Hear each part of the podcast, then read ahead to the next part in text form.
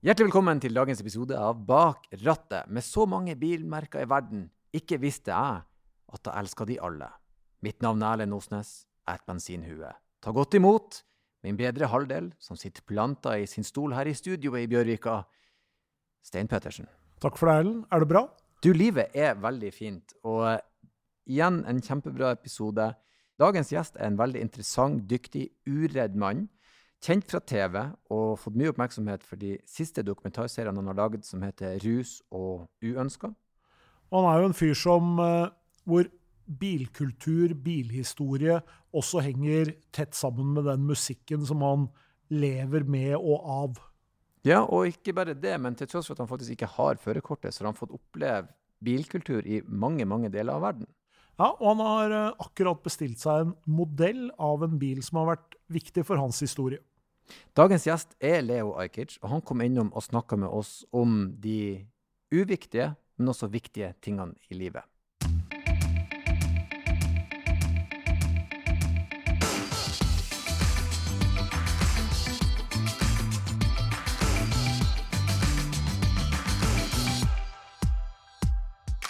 Hjertelig velkommen til eh, Bak rattet, Leo. Tusen, uh, tusen takk. Hyggelig at du eh, kom innom for å uh, Ja. litt bil med oss. takk, takk. Hvorfor har ikke dere et lite sånn ratt der, sånn at du føler du er bak rattet? Så har du, så kunne vi liksom snakket som om vi snakker Ja. i en bil. For så vidt. Eh, Ja. Et lite dashbord med midt Ja, på. bare et lite ratt, liksom. Eller egentlig, vi kunne sittet inni den EQS-en og så bare hatt podkasten spilt inn. Det, det hadde ikke vært dumt, altså. Faktisk. Blir, når du selger den, kan, må du selge den billigere, da? Fordi at den er blitt litt brukt. noe, ja. Den har blitt litt brukt inne, liksom. Ja. Det, vi får reklamere med det. Den har blitt spilt inn podkast, si. Så Mm. kanskje han stiger litt i pris. Kanskje prisen går opp når du forteller hvem som var gjesten. Ja, det er mye mulig. Vi, vi skal jo snakke om, eh, om eh, bil, men eh, og på å si, vi bruker alltid som å begynne litt med hvordan, hvordan er dagene dine nå? Hvordan går det med det etter pandemi? Hvordan ser det ut? Er det begynt å normalisere seg? Og... Mm, Det går helt greit. altså. Jeg har fått unnagjort det jeg skulle under pandemien. Jeg har lagd to TV-program. Et som heter Rus. Jeg begynte med det rett før pandemien. Men uh, første opptakene, altså forarbeidet begynte før pandemien. Første opptak var under pandemien. Og så, når ett år var gått, så begynte jeg med et nytt prosjekt som jeg ble ferdig med etter ett år etter det igjen. Så siste to årene har jeg jobbet med rus, og det kom ut halvt år siden. Noe sånt, i høst. Og så kom det ut noen en ny serie som heter Uønsket, om asylpolitikk. Så jeg har vært heldig at jeg har kunnet jobbe under hele pandemien. Du er ikke, du er ikke lettskremt når du kommer til temaet. Det er veldig bra at noen tar tak. Rus har jo vært enormt. Spesielt rusreformen har engasjert veldig mange, men også det med asylpolitikken til Norge, som absolutt trenger å ses på. Du går rett i.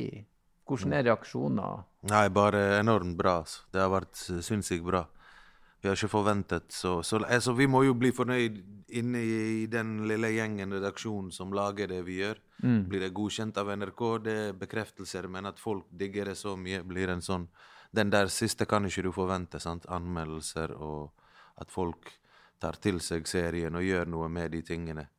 Du har sånn involvering som handler om at folk deler det du har gjort, men når vi har lagd Flukt og andre serier, og kanskje Rus, så gjør de noe med det. Det er sånn at Vi har lagd et teaterstykke som heter Flukt, eller vi har skrevet en bok, eller ungene har blitt inspirert til å samle inn penger, eller Det fører til sånn ekte engasjement.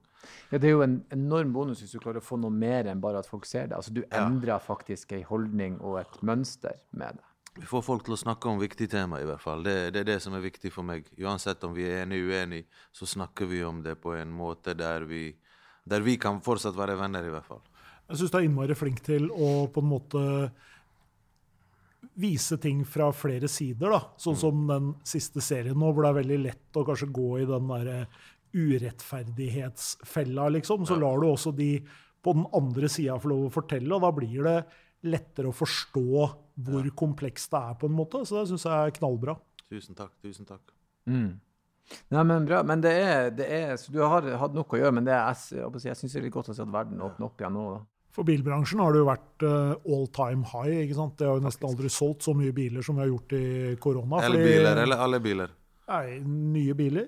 Med, med bensin og alt? Nei, altså det er jo veldig mye elbil, selvfølgelig. Men jeg tror bare folk som normalt sett ville brukt eh, 70 000-80 000 på reise på ferie. De har putta det som egenkapital i bil isteden. Så det er jo solgt eh, og registrert utrolig mye biler de siste to åra. Men jungeltelegrafen, til og med for jeg som ikke har bil, jeg har fått masse tips om å kjøpe elbil før den der uh, avgiften går opp, og Ja. at bla, bla, bla.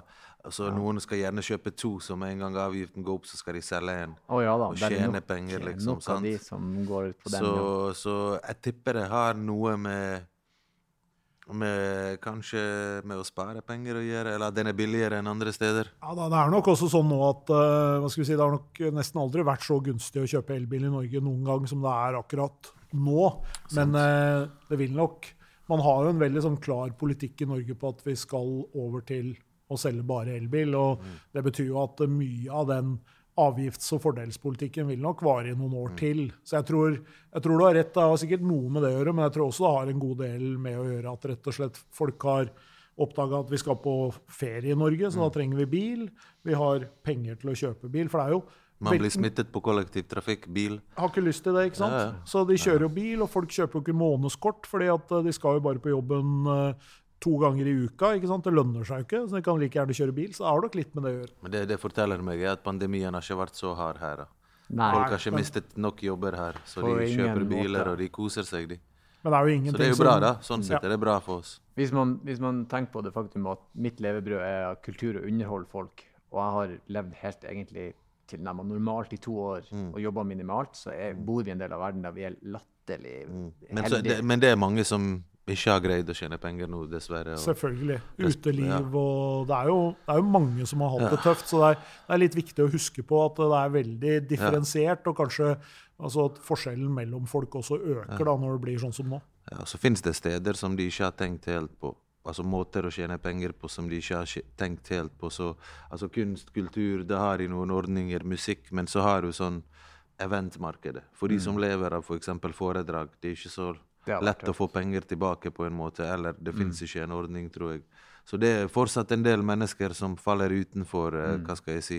Spesielt event. og der, ah, Noen får 15 som- 15 millioner, sant? mens noen De omsetter for enorme alt. mengder, men de blir ikke sett på som kultur. Men det er jo kultur. Event kan jo òg være kultur. Du har jo musikk der, du har underholdning der, du har Men vi kan si at vi, er vi har klart oss greit. Ja, men vi skal snakke om bilkultur, vi. Vi skal snakke litt uh, bil, og uh, du har jo ikke førerkortet, men du er langt ifra den første gjesten vi har som ikke har førerkort. Vi hadde flere som har hatt det. Var de andre barn, eller var de voksne? Nei, nei, nei da. I samme, i samme alderssjikte, pluss minus. Så det er, men det at du ikke har sertifikatet, er det et eh, bevisst valg du har tatt, eller er det bare på mange måter blitt sånn? Blitt sånn. Mm. For jeg har bodd sentralt alltid. I Bergen, Løvstakken i Bergen. Det er liksom skyggesiden der. eh, masse multikultur, forskjellige mennesker, sosialboliger, bla, bla, bla. Men det er steinkast unna sentrum. Det Mm. er litt som Tøyen eller, eh, eller Grønland her i Oslo, på en måte. Mm. Og der er det ikke så nødvendig med bil til noe, liksom. Mm. Du kan gå til det meste utenom andre nabolag som er lengre unna, på en måte. Mm. Så ja. Så Samme med i Oslo. Jeg bor på Grünerløkka, og det er jo Det hadde vært litt stress å ha bil der. Men egentlig så trenger jeg lappen når jeg er i utlandet, når jeg reiser. når det er, jo, det er jo et slags handikap å ikke ha lappen i dag, på en måte. Tenk hvis noe alvorlig skjer et sted, eller Jeg har jo vært mange ganger steder og så har ikke gjort det jeg skal fordi sjåføren har vært sein, eller et eller annet tull med noe, eller Og da, da blir også mine muligheter begrenset. sant? Så la, spesielt når jeg er i hjemlandet, for eksempel. Så jeg vil bare I dag vil jeg opp på en fjelltopp, men først må du dit og dit, og alltid ikke det er kollektivtrafikk, så du vet. Det, det kan være bra å ha lappen. Men det du, det du sier, er jo veldig For det er jo en trend som vi ser blant yngre folk. Og, og også opp i alder, hvis du da bor i en storby som Bergen da, eller Oslo, der er det et kollektivtilbud, og du, som du sier det er i sentrum, så har du ikke det behovet. Eh, sånn jeg er jo vokst opp på i nordlandsbygda. Bodde er en liten by. Du, du må ha sertifikat, for det, er, det er ikke noen mulighet ellers. Du kommer deg ikke noe plass. Så det er klart man kan klare seg ganske greit da. Men eh, Altså, I noen land beklager, i noen land har du sånne checkpoints der militæret eller politiet som ikke tjener godt nok, stopper deg og tar 1-2 dollar fra deg. Eller de kan ta mer hvis ikke du er smart nok, men hvis du gir dem fort nok 1-2 dollar, du kan passere.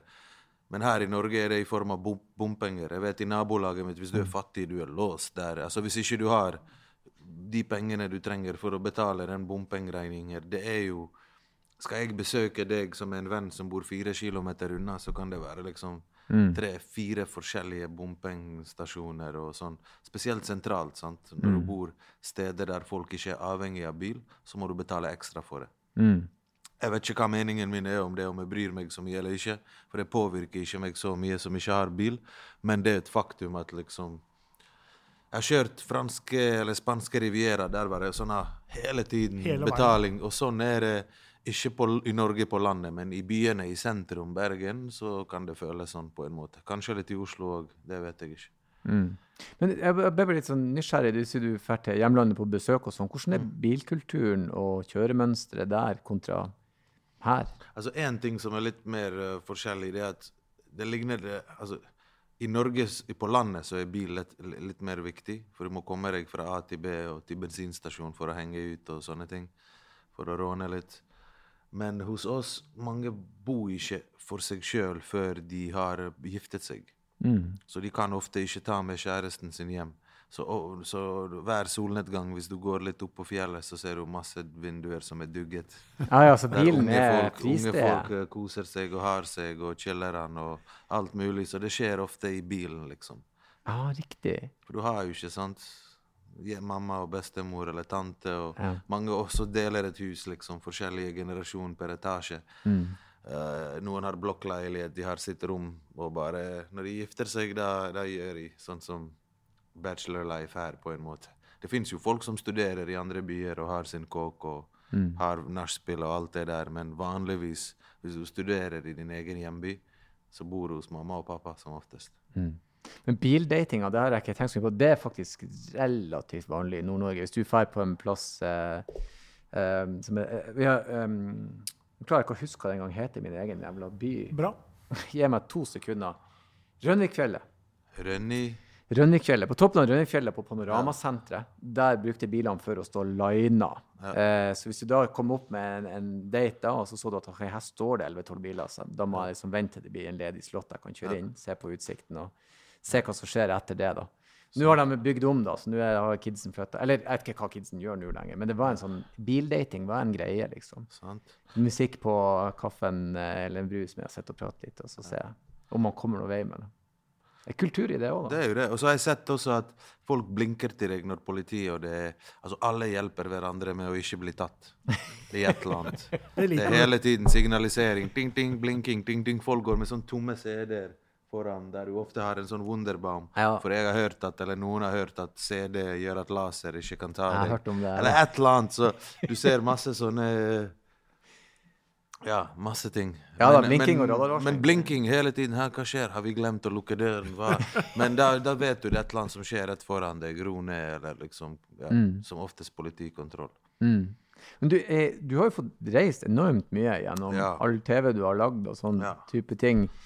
Er det noen spesielle plasser du har vært der du tenkte trafikken utmerka seg, eller var sånn markant annerledes? Uh, jeg vet bare at uansett hvor jeg har vært, så har det farligste vært å være i bil.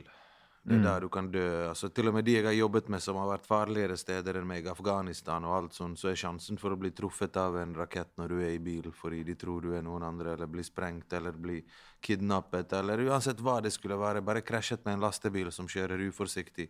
Dårlige veier, hva som helst. Så bil er jo eh, største liksom, sjansen for å miste livet ditt, steder jeg har vært. Mm. Og jeg har vært noen steder der trafikken er sånn ah, Der er tolv filer per, eh, per, eh, per fil, skulle jeg til å si.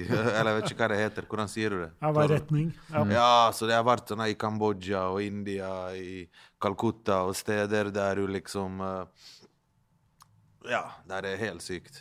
Har også vært i storbyer som London, New York, eh, LA og sett traffic jams, eller hva det heter. Mm. Uh, rush hour. Vi har, ofte vi tar sånne engelske ord. Hva heter det på norsk? Rush hour. Vi, har vel bare, vi kaller det bare for rushtrafikk. Er Vi har tatt ordet fra de og bare tatt det inn i det norske. Kaller Ja, det og den andre traffic jam, hva heter det? Kork. Kork. Kork. Trafikkork. Ja. Nei, men det er jo sånn jeg tenkte Da Kork kom til bygda. Det kunne det vært et sånne- bilprogram. Da Korken kom til bygda. Neste Ja, fordi alle skulle til Sverige og handle billig alkohol. Da kom Kork til bygda. Da ble jeg kø til Ja, Svinesund. Fredrikstad og Sarpsborg og sånn. Ja, men Det er forskjellig trafikkultur i ulike land. Altså, jeg tenkte når jeg var i Brasil, for eksempel, så tenkte jeg det er ikke noe rart at det kommer mye gode Formel 1-førere fra Brasil. For at, eh, de driver jo med sånn slipstreaming inni, inni trafikken. ikke sant? Ja. Ja, Helt gærne. Ja, der har jeg sittet i bil, og jeg husker vi var på vei inn i en tunnel, og da han som skal liksom er guiden, og han som hjelper oss rundt, bare Ja, her blir folk ranet. Ja. Fordi når det er tett trafikk, og du er inne i en tunnel, så er det ofte folk med motorsykler som kommer her, tar ting, blokkerer gjerne hele tunnelen og raner alle samtidig, og så stikker de. Og tar bilen din, til og med. Stikker de rett opp over, eh, over tunnelen der de bor. Og sånn er det, dessverre. En av de tingene som jeg ofte syns har vært i, i Sentral-Asia, og der I Norge er vi jo veldig var på myke trafikanter. Mens når vi kjørte der, så fikk vi klar beskjed hos lokale ikke stopp for myke trafikanter, for da får du en bil i ræva. De går bare imellom. Ja. Så det var veldig rart å liksom ligge i 60, og så bare Nei, de stoppa og, og tråkla seg gjennom, så du sier, tolv filer. Og det var For her i Norge, du stopper med en gang. Du ser en myk trafikant. Stopp, la de gå, og så videre. Ja. Men det er liksom, man venner seg veldig til det. Jeg var i, også i Italia. Det var et jævla kaos. Jeg tenkte det er jo ingen regler, men så skjønner du etter hvert at jo, det er regler. De ser på hverandre, de fløyter litt, de snakker i lag. Og så flyter på en eller annen Ja, ja, men alt alt har måte. eh, sin uh, ja, funksjon på en måte. Du, du sa det, du, det har egentlig bare blitt sånn, du har bodd sentralt og sånn, men eh, har du øvelseskjørt noe? Har du kjørt noen bil? Bare et par ganger her og der. Nesten venner som har nesten tvingt meg og sånn. Eller nå skal jeg absolutt prøve og eh, Ja, altså Jeg har kjørt på TV. Ja. Ja, to ganger har jeg kjørt på TV, og det er liksom der jeg har kanskje kjørt mest. Jeg kjørte en gang med Else Kåss Furuseth i Typen til. Serien for P3 som jeg var programleder for. Og så kjørte jeg på Rudskogen med, med Dag Otto Lauritzen og Jeg husker ikke hva det het, det programmet. På, på tur med På tur med Otto eller noe Ja, noe sånt. sånt. Dag Da, Otto, ja. ja, det var, da, kom bare, da kom Rune Rudberg eller noen på Rudskogen. Kanskje Ja. det er der han holder til, Rudberg Rudskog. Var det gøy å kjøre på Rudskogen? Ja, det var gøy. Jeg kjørte veldig fort med en gang Otto ble skikkelig redd. Han ble liksom Han skulle hele tiden være så tøff, men plutselig så bare ble stemmen hans eh, et par oktaver lysere, sånn som han egentlig snakker. Ah, ah. Du vet hva jeg mener, liksom. Ja, nydelig. Han ble redd. Ja. I hvert fall når vi kom rundt en sving. Mm. Men uh, jeg vet ikke. Jeg var sikker på at han hadde noe sånn kontroll over meg under bilen, så jeg tenkte det her går greit. Så fant jeg ut etterpå han hadde jo ikke det. Ja, Nei, men du, du har i alle fall kjørt bil, sånn at du, du, ja, du vet hva det går i, på en måte. jeg vet jo litt hva det går i, men jeg vet jo hva det går i som jeg ikke får til også. Multitasking. Det er det der følge med på speilet, siden, frem der, alle reglene. Når jeg kjører, så kjører jeg rett frem. Tunnelvisjon. Jeg vet ikke hva som skjer på sidene bak. Hvem tar meg igjen? Hvem kan dunke meg? Altså, jeg ser eh, Det er som de gamle PlayStation-spillene før Ja, du kunne strikke trekant og se bak. Det er Ja. bare én vei. Ferdig.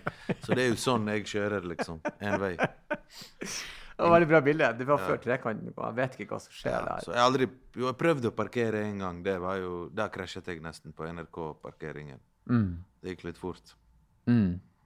Jo, jo, men det eh, Men har du, har du noen gang eh, tenkt å ta lappen i fremtida, eller ser du for deg at du bare Jeg leste hele teorien nå, nå nettopp, under pandemien. For jeg tenker jeg må jo Ikke det det du begynner med, på en måte. Jo. Og så skal jeg bare øvelseskjøre litt snart, og så må jeg bare hoppe i det. Den, den appen er genial. Eh, Jeg, jeg tok nettopp eh, motorsykkellappen, eller nylig, da. Og da kan du, får du spørsmålene. Og de er jo så latterlig formulert. De er jo laga så du skal velge feil alternativ. Det er det jeg syns er vanskelig med dem. Så du må liksom lære deg eh, så De var geniale for å lære seg hva er det de er ute etter, og rett. Så når du da svarer, så får du se hva svarte jeg feil på, og så blir du tatt med videre til kapitlet der det står om det. Så jeg brukte den, jeg husker ikke, jeg tror den heter lappen.no eller noe sånt. Veldig fin app også å sitte og øve seg på. Jeg brukte kun den, så når teorien kom, så gikk det greit. Jeg, aldri, jeg sleit med den teorien når jeg tok førerkortet da jeg var yngre. Så den, den appen, lappen, den anbefaler. Har flere som har anbefalt noen apper og sånn. Bare gjør det, abonner, og så og så Hva heter det? Og så avslutter du når du er ferdig, liksom. En, to, tre måneder, abonner, øv, gå og ta det, ferdig. Ja. ja, det var det jeg gjorde. Jeg tror en måned i slengen eller sånn, og så abonnerte jeg, og så fikk jeg sånn, så mange forsøk jeg ville. da. Så det var en fin, eh, fin måte å gjøre det på. Absolutt, det anbefales. Men ok, du, har du noen formening om hva du liker av biler? For jeg har inntrykk av at du vet hva du liker. Altså, I hiphop-kulturen så har jeg på en måte blitt introdusert i masse biler gjennom både låter, musikkvideoer og alt. Og det er veldig forskjellig fra stat til stat. Akkurat som hiphopen og musikken er litt sånn forskjellig. Hvor i USA det kommer fra. Så er det også med biler. Det er veldig mange uttrykk og Altså Det første jeg husker, er jo vel lowriders og sånne Ja. med hydraulic. Sånne gamle old school-biler som kunne liksom eh, Som kunne løfte seg og hoppe og bounce, liksom. Med, som om de var sånn Nesten som leketøy. Du bare brum, brum. Hydraulics, det husker jeg bare Wow, hvorfor ikke det i Norge, på en måte? Ja. Uh, så seinere har jeg blitt liksom skjønt at det er mye mer enn det. Det er mye Ja. Spesielt, la oss si, i Miami, Florida, så kjører de noe som heter donks. Det er gjerne litt sånne, sånne type biler. Litt sånn muscle cars, eller hva de kaller de. Litt sånn sterke biler, men da er det gjerne 24 tommer, overdrevet, svære hjul. Ja, ja. uh, i, I Texas er de kjent for å kjøre old school-biler med noe som heter bows. Sånne elbows. Og det ser ut som gamle Colosseum. Felger som stikker langt ut. Eh, og eh, nesten ser ut som hvis den kjører ved siden av deg for nær, så kapper han av deg beina på en måte. Jeg vet ikke eh, Om du har sett sånne filmer som Ben Hur og sånne gamle filmer. ja. Ekte Ja. Så ja. Men kulturen Jeg, jeg syns det var veldig fascinerende. For jeg husker godt da eh, um, Hydraulicsene. og Når de jeg synes første musikkvideoen jeg så de var eh, fra Chronic-albumet G-Tang. Når bilene bouncer. Ja. Og som kidder så ble vi sånn Hva er det der? Sant. Det vil jeg. Jeg vil kjøre på skrå med min bil. I Norge er det jo enormt strengt, Stein. Du, det får man vel ikke ha?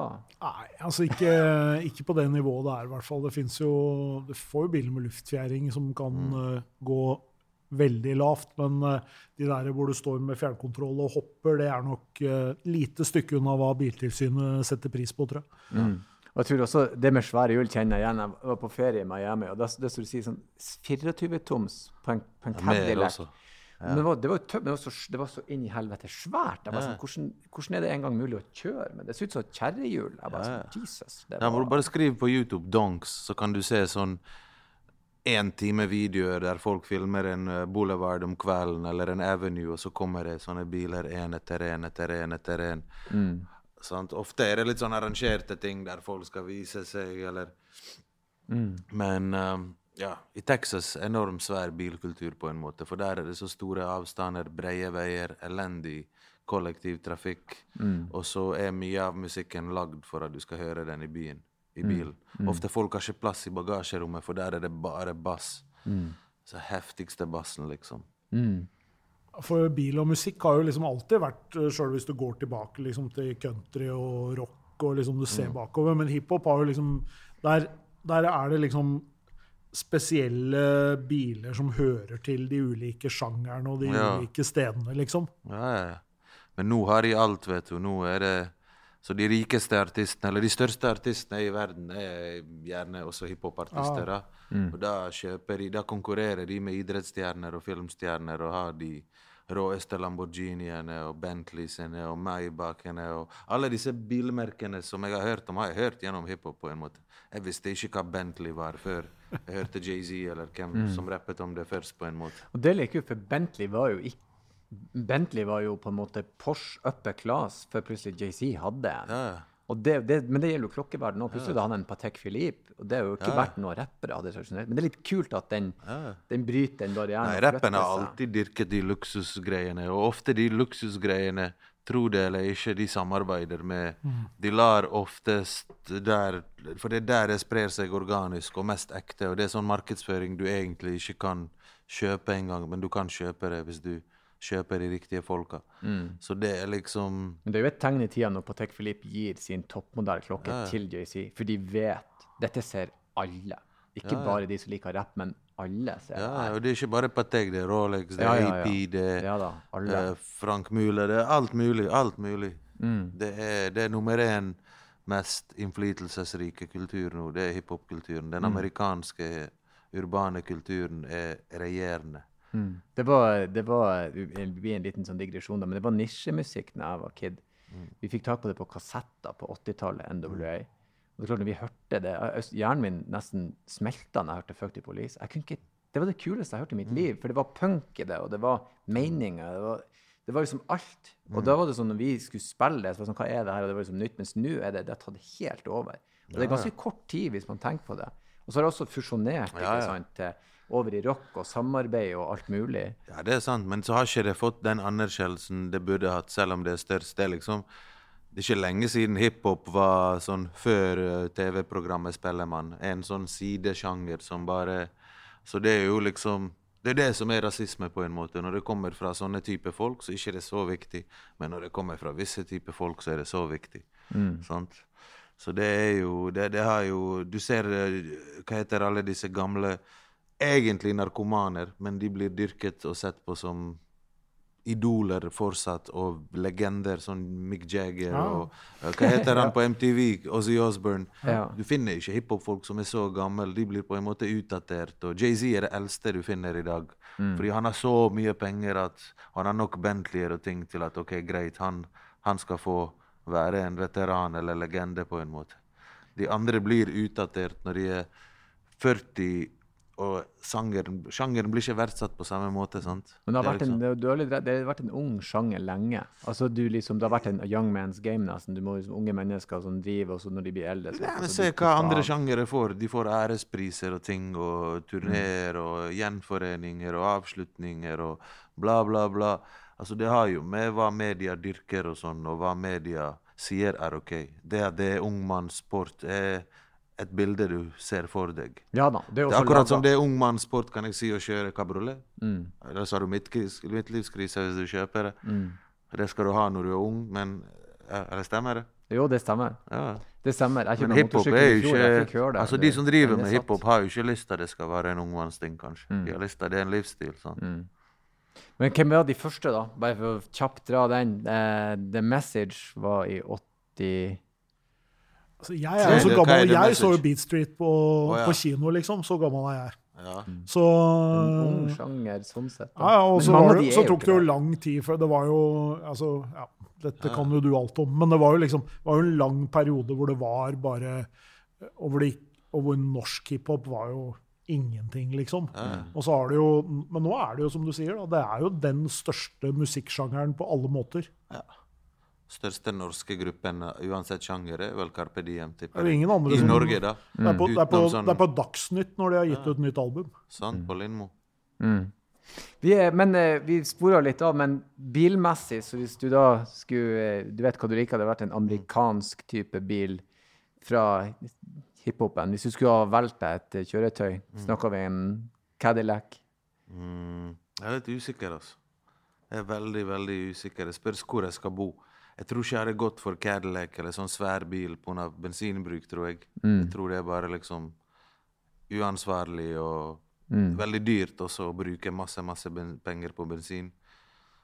Jeg ville kanskje gått for hybrid eller elbil i dag, eller et eller annet som, som du kan kjøre litt gratis òg, kanskje. Eller billig, da. Er, jeg vet ikke, Det spørs hvor jeg bor. og sånn. sånn eh, hvis jeg vet at jeg skal bo i Bergen, jeg kan ikke se for meg en Lamborghini liksom, i de uh, humpene og de der Vi kaller det i Bosnia liggende politimenn. Hva heter det? ja, fartsdumper. Fartsdumper, ja. Liggende politimenn liker det. Ja, sant, for de passer på. Men uh, jeg vet ikke. Det er noen land jeg har vært i der kanskje Range Rover er det beste du kan ha. liksom. For det tåler terreng og ødelagte gater og alt mulig og har kraft. Mm. Men det vil, altså, du er i alle fall praktisk anlagt. Hva er det jeg skal bruke den til? Hvor skal jeg? nå? Ja, Du det må jeg tenke. Jeg har ikke sånn 'Dette er min drømmebil', og den drømte jeg om da jeg var liten, og sengetøyet var den bilen. Mm. Nei. Altså, det er ikke noe sånn. Mm. Jeg har ikke liksom Du hadde ikke plakater av biler på veggen. Nei, jeg tror ikke det. Men jeg husker jeg elsket Sena, han brasilianske, tilbake til Brasil. Ja. Uh, Hvil i fred. Jeg var før Schumacher, før alle Formel 1. Uh, det var veldig populært når jeg var yngre. Det gikk mye på TV, og kanskje jeg var liksom Jeg var ikke gammel nok til å skjønne noe enn zoom, zoom, zoom. og da likte jeg det, liksom. Og min bestefar likte det. Og Alberto, eller nei, hva heter han? Albe... Ja, Sena. Ayrton. Elton ja.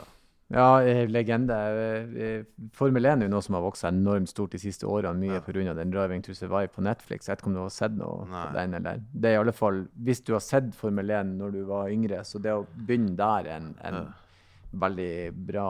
For da får man se de folkene. De er jo helt uh... Og alle vi gutter får jo ofte billeker, om vi liker bil eller ikke. Ja. Det er det man Så enten kan du ta vare på de, eller kan du leke og krasje de og ødelegge de. Og jeg fikk noen som byttet farge når du puttet de i vann. Ja. Hadde Så de de, de husker jeg lekte med sånne Så kom det noen etterpå som du kunne bytte side på en måte. Ja. Hjulene var såpass store at du kunne Ja. Og det var, det var litt gøy på en måte. Hot Sånne Wheels, små- ja. jeg det var. Jeg husker de bytta farger. Det, ja, det var stas. Dette var før 91 i hvert fall. 1990-1989. Ja. Der i hugget, ja. Mm. Så har jeg nå bestilt en på eBay, en rød Yugo. Han er ca. så stor. Han er inni pakken, jeg skal åpne han. Mm. Og min far uh, solgte jo en bil midt i krigen. Å, ja. På slutten av krigen, tre-fire år etter at krigen startet. Jeg vet ikke hvor bilen var danket en gang, hvor han var parkert, hvor han var trygg. Men den fikk han enveisbillett i Norge, liksom. Og så kom vi ett år seinere. Så det er sånn rød Yugo. Hvis dere har sett Die Hard, ja så er det en sånn scene der han kjører, og så greier ikke han å kjøre fort nok. Ja. Så klager folk på han, og han sier et eller annet 'Ikke klag på meg, jeg kjører en jævla Yugo', liksom. Ja. ja. Det stemmer, det. Men vi hadde en Yugo. Det var bare sånn én-to månedslønn, så kunne du kjøpe en Yugo. Det var så, som om Norge hadde hatt en egen bil nå som du kunne kjøpt for 40 000-50 000 kroner. Et eller annet sånn, men som funket, og, funket for det landet vi bodde i, og de veiene, og Mm. liksom Ja. En, en bil så alle skal ha en bil, liksom. Alle ja skal ha muligheten ligner til på å en kjøpe sånn seg en liten. Golf, eller hva det heter. en sånn... Og de små bilene er populære hos oss, for vi har gater. Vi har eh, hva heter det, autobaner. Men Mm. så har vi også smau, der biler kjører. Mm. Sånn som Italia, små steder der liksom Du kommer ikke forbi der med en Cadillac. Du kommer ikke forbi der med en sånn eh, Kanskje hvis du lukker de der sidegreiene, så vidt. Ja. Men du har noen gater, du har mopeder og bare sånne små biler som, som greier seg. Så en av de mest populære òg før i tiden, husker jeg var sånn Fiat. For de ble produsert hos oss, sånn boble, liten sånn boble. Ah, ja. De er ganske dyre i dag, og sånn samleobjekter. Ja, stemmer det. Den, ja. Så var det noen som ikke var bobler. Vi kalte de for strykejern, jeg vet ikke hvorfor. Men de var jo firkantet Fiat. Like liten som boble, bare den var ikke boblete. Mm. Så liker du bobler, eller liker du firkanter, litt mer sånn tysk design? ja. Ett av, et av to. Vi har egentlig vil du ha litt sånn fransk boblete som en sånn fransk hatt. Mm. Eller firkantet som tyske systemet. Men nå har du altså kjøpt en sånn modell av den Djurgården for å ha. Det er jo litt Ja. sånn fin ting å ha, da. Mm. Faren din han solgte den for å få penger. så Ja, jeg tror han fikk 1000 mark for han. 500 euro, hvis jeg kan huske i dag. mm. For i en krisesituasjon, sånn, eller sånn hey, kjøp bilen min, hvem har penger, liksom? Høy inflasjon, og det var jo veldig høy inflasjon og alt mulig. Men det var før euroen. Det var når tyske penger var fortsatt uh, dominerende i Europa. Så én tysk mark var ca. fire kroner. Ja. Så kanskje i 1994 min far fikk kanskje 4000 kroner for den bilen. Kanskje mer. Jeg, har ikke peiling. Mm. Det var nok til flybilletten. Ja. Jeg vet ikke om flybilletten var på en måte gratis siden han var kvoteflyktning, men han måtte komme seg til hovedstaden i Kroatia og der inne og ja. Måtte, måtte komme seg til friheten på en måte. Mm. Da ble jo den Jugoen veldig mye verdt, da, hvis det var Ja, farlig. ja. ja, ja. Det er liksom Folk sier penger er ikke viktig, og sånn, men du kan komme i en situasjon der penger er viktig. Penger er ikke viktig når du har råd til å kjøpe en elbil, og når du har råd til ferie og hytte. Da er ikke penger viktig. Da sier du det. Men når du ikke har hytte og mangler penger til bil eller flybillett som kan redde livet ditt, da vet du at penger er faktisk viktig. Men før krigen og før liksom dette her skjedde, så hva brukte dere bilen til da? Ja, du vet, vi, vi kjører kanskje 100 km den veien for å, for å spise fisk, fordi der er sjøen, eller kanskje 30 km til sjøen, 40. Oppå vinter-OL er oppå fjellet, snøen er bare 30 km den veien. Vi skal spise lam, vi kjører dit. Der er det foss og naturreservat. Vi kjører dit. Altså, folk var Vi brukte nabosmåstedene rundt byen mye. Vi, vi besøkte folk. Så litt sånn som i Norge. Ofte har folk sånn familie på landet eller et sted de egentlig tilhører, før de flytter til Oslo eller Bergen, som man besøker i når det er jul eller påske eller et eller annet. Men sånne steder for min familie var kanskje veldig nærm der på en måte. Mm. 30 km unna så var det landsbyen der min mors familie kom fra. Mm. Så mye naturting, mye liksom bading, sommerferier. Uh, bryllup Altså, det er, det er Ja. Det er, alt ligger ikke sentralt. Ofte den der Hele byen er sentrum, på en måte. Du kan finne et torg eller et marked eller et shoppingsenter, men hele byen er vokst opp i, er sentrum. Mm. Med en gang du går utenfor, så er ikke du i byen lenger. Det som er Groruddalen av Oslo der nede, det er andre byer, på en måte. Det teller ikke. Vi har ikke det der suburb. Nei. Du har visse områder i storbyer, Beograd, Sarajevo, som har områder, men de er nesten like sentrale. Du finner restauranter, du finner shoppingsentre, du finner de samme tingene, på en måte. Mm. Så det, dere brukte bilen mye? Eh, kjørte mye besøk? Altså den... Ja, når du skal utenfor byen. Og, mm. og vi, vi nyter og Det er fint vær her, så man går ofte til en vingård, sitter ned og slapper av, spiser middag der. Et annet sted det er mye sauer og ost, og du går der og har ostefat. Ved siden av en bekk i skyggen så har de god ørret fordi at bekken er der. Mm. Altså Det er litt mer sånn Og du trenger ikke være rik. I Norge skulle jeg gått og spist uh, villaks fra der villaksen er fra. For at en nordmenn skal fiske den for meg, hvis ikke du har importert arbeidskraft fra Polen eller Øst-Europa, mm. eller der jeg kommer fra. Mm så blir det veldig dyrt. Mm. Norgesferie. Folk kjøper bil for de skal på norgesferie. Jeg gruer meg til norgesferie, for jeg vet ikke om jeg har råd til de greiene. For jeg har ikke kontakter i Norge til å Det blir veldig dyrt, liksom. Men det er sjukt. Vi, vi, bruker jo reise til Syden, som vi sier nordpå. Alt den veien er jo Syden. Det er varmt ja. der. liksom. Så når vi drar til Syden, så det sånn, ja, da tar vi oss råd. Men jeg var jo på norgesferie med liksom, tre kids og kona. I 2020. Og det er den dyreste Dyr, dag, per dags dato. Man. Jeg var nettopp i Lofoten, så bare Og Lofoten er helt Det henger tørrfisk overalt. Nesten sånn litt vind, så får du litt gratis en liten torsk som bare Men uh, så 300 spenn for litt klippfisk med tomat fra boks, liksom. Steindyrt. Altså, det Og Lofoten er blitt de, altså Jeg som er fra det distriktet, gidder ikke å dra dit. For jeg kan jo faen, jeg kan jo dra til Dubai på ferie for samme pengene. Det er helt psyko hva det koster. Ja, det er enormt dyrt å feriere i Norge. Mm. Og, og, skal du seg... fly i Nord-Norge, da skal du ha penger. Altså, skal du kjøre til Nord-Norge, så skal du ha god tid. Ja, du skal ha det. Jævlig god tid. jævlig god tid. For så vidt et, uh, for så vidt et godt poeng. Uh, men er du, eh, er du, teknisk anlagt på bilfronten? Har du fiksa, skrudd eller gjort noe der? Du har vært ute og reist. Har du vært i situasjoner der du har måttet Vi har vært i situasjonen der vi måtte der liksom bil eh, punkterer to-tre mil før, en, uh, før, et fly går, og vi er liksom én time fra check-in på en måte, eller et eller annet, og så er det ingen der. Jeg har opplevd sånne rare situasjoner, men jeg har ikke trengt altså har ikke, Ingen har vært avhengig av min ekspertise, for å si det sånn. Så det har gått bra. Men uh, jeg har dyttet bil både fra gjørme, sånn du vet, stå bak og dytte og uh, Jeg har også vært steder der skjer det noe med en bil, at den sitter fast, så alle bare bidrar med en gang, så det blir ikke problem. Men jeg har også vært steder der du ikke ser et menneske mm. om å vente.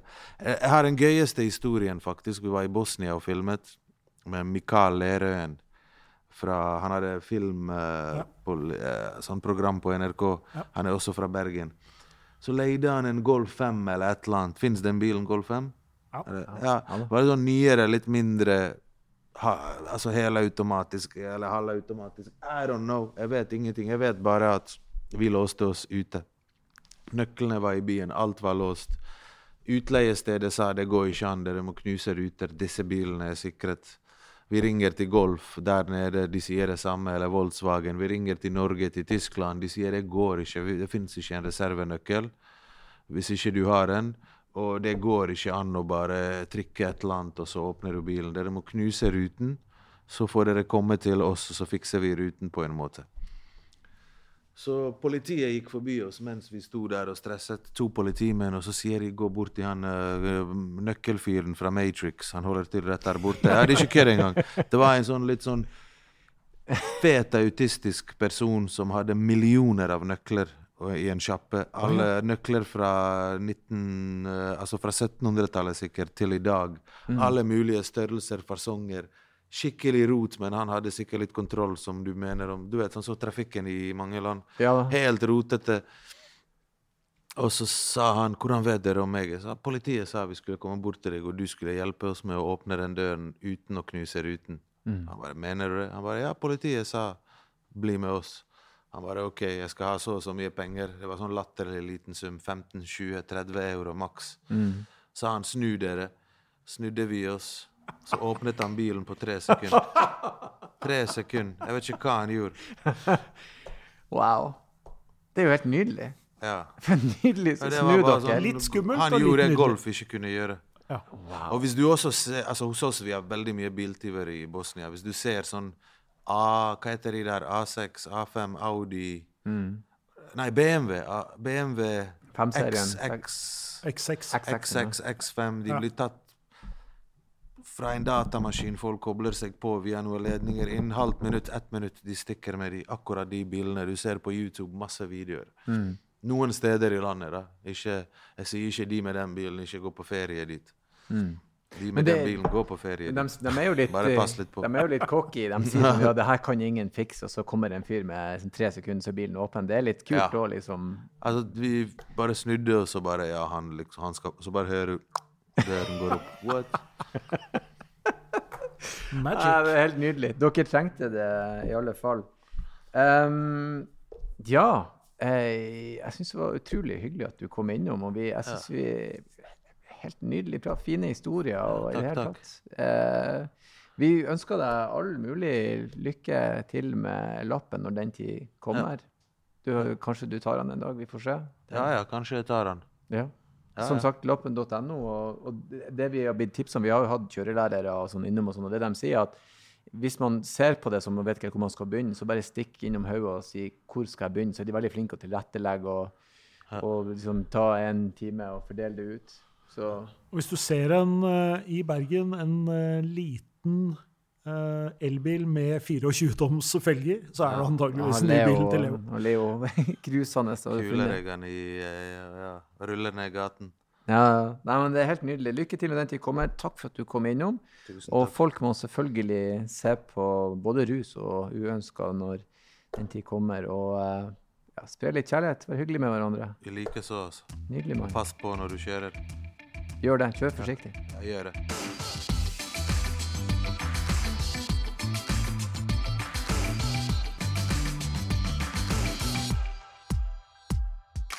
Hei, hei, hei, stopp! Det er ikke ferdig ennå. Ikke skru av. Det er bare jeg som hiver meg på og ber dere om følgende. Hvis dere vil ha gjester, hvis dere vil komme med kommentarer, hvis dere har spørsmål, bruk endelig vår e-postadresse som er bakrattet.bos.no. Bakrattet.bos.no. Ta kontakt, og ikke glem å kjøre forsiktig.